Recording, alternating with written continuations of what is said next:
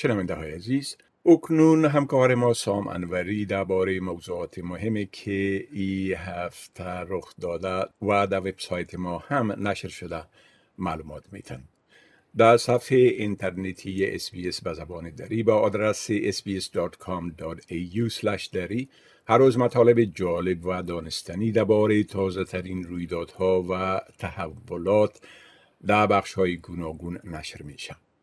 آقای انوری سلام عرض می کنم خب اولتر از همه اگر بگوین به صورت عموم چی رویدادهای مهم رخ داده که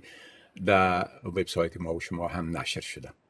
با سلام به شما و شنوندگان عزیز. خب این هفته همزمان با افزایش بیپیچینه میزان مرگ و میر کرونا و کمبود شدید کارگر در کشور رخدادهای مهمی در رابطه با ویروس کرونا رخ دادند که از جمله می‌تونیم به تایید واکسن نوواواکس و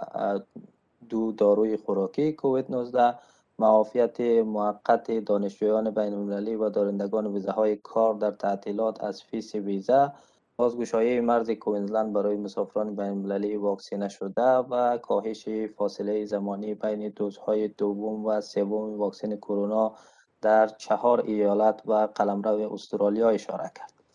چنان که اشاره شد میزان مرگ کرونا این هفته چند بار رکوردهای قبلی را شکست و در حال حاضر روزانه ده ها نفر در سراسر کشور از اثر بیماری جان میدن. از سوی دیگر شیوع گسترده اومیکرون کشور را با کمبود شدید نیروی کار به ویژه در سکتورهای کلیدی مواجه ساخته است.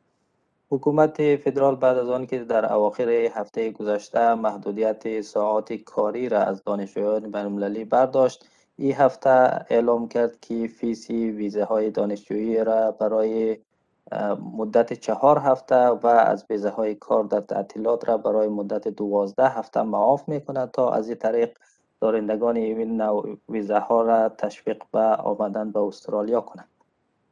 ایالت کوینزلند هم بعد از گذشتن نزدیک به دو سال اعلام کرد که مرز خود را برای مسافران بین المللی واکسنه شده باز می کند. این مسافران می توانند که بعد از روز شنبه 22 جنوری بدون نیاز به قرنطینه وارد کوینزلند شوند.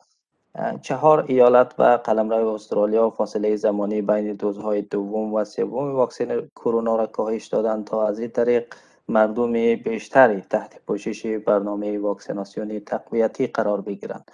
همزمان با اینها اداره محصولات درمانی استرالیا واکسن نوواکس و دو داروی خوراکی را برای استفاده در استرالیا تایید کرد که گام های مهمی در راستای مبارزه با این ویروس محسوب میشن. گزارش ویژه‌ای داشتیم در مورد وضعیت پناهندگان افغان ساکن اندونزیا که از حدود ده سال بدین سو در حالت بی‌سرنوشتی در او کشور رها شدند این پناهندگان که از چند ماه سو به طور پیوسته در اعتراض به بیتوجهی کمیساری عالی سازمان ملل در امور پناهندگان و کشورهای پناهنده پذیر نسبت به وضعیتشان تظاهرات می کنند این هفته با خودکشی یکی از از پناهندگان تحت فشار روحی و روانی بیشتر قرار گرفتند. همزمان پلیس اندونزیا هم با این پناهندگان برخورد خشونت آمیزی را در پیش گرفتند. علاوه بر اینها مطالب پراکنده دیگری هم داشتیم که شنوندگان عزیز ما می‌تونن اونها را در وبسایت ما دنبال کنند. بله خب درباره تصویب شدن واکسین نوواکس و دو داروی خوراکی ضد ویروس کرونا گفتین. اگر در این باره یک مقدار تفصیلات بتین لطفا. بله همونطور که اشاره شد حکومت استرالیا روز پنجشنبه اعلام کرد که اداره محصولات درمانی واکسن نوواکس و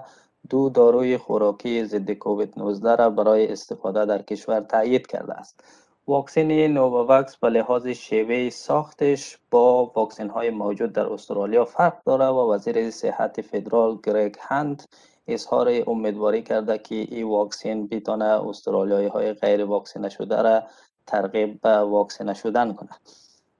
نوواواکس یک واکسن مبتنی بر پروتین است که در او از قطعات پروتینی بی اثر ویروس کووید 19 برای تحریک پاسخ ایمنی بدن استفاده شده. این یک شیوه نسبتا سنتی ساخت واکسن است که نوواواکس را از واکسن های فایزر، مدرنا و آسترازنیکا که در حال حاضر در استرالیا قابل دسترس هستند متمایز می سازه. این واکسین برای افراد بالای 18 سال در استرالیا تایید شده و باید دوزهای اول و دوم آن به فاصله 21 روز یا سه هفته تطبیق شوند. علاوه بر اداره محصولات درمانی برای نخستین بار به دو داروی خوراکی مخصوص کووید 19 در استرالیا مجوز موقت داده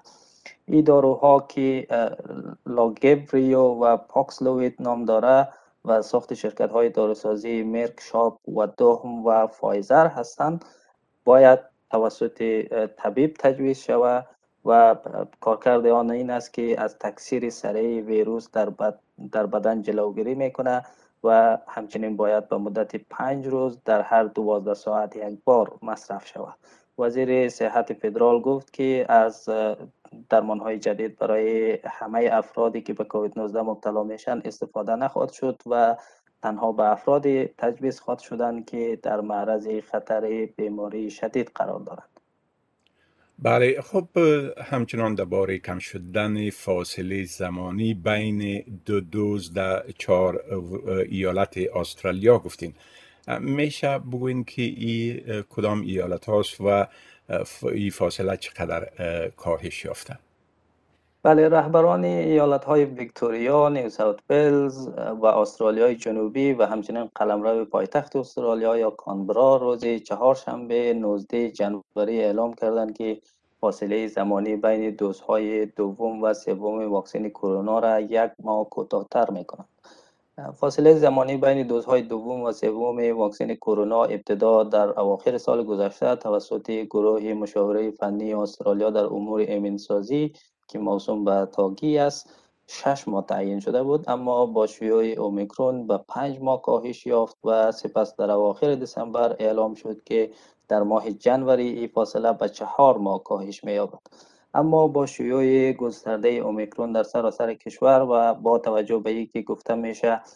دو دوز واکسن در برابر این نوع کرونا چندان کارآمد نیست رهبران ایالت ها رشته امور را در دست خود گرفتند و این فاصله را به سه ماه کاهش دادند که از این طریق بتانند تعداد بیشتری از مردم را واجد شرایط دوز تقویتی بسازند مقامات ایالت ها از مردمشان خواستند که با سپری شدن سه ماه از دوز دوم واکسنشان بدون اطلاف وقت دوز سوم خود را بزنند.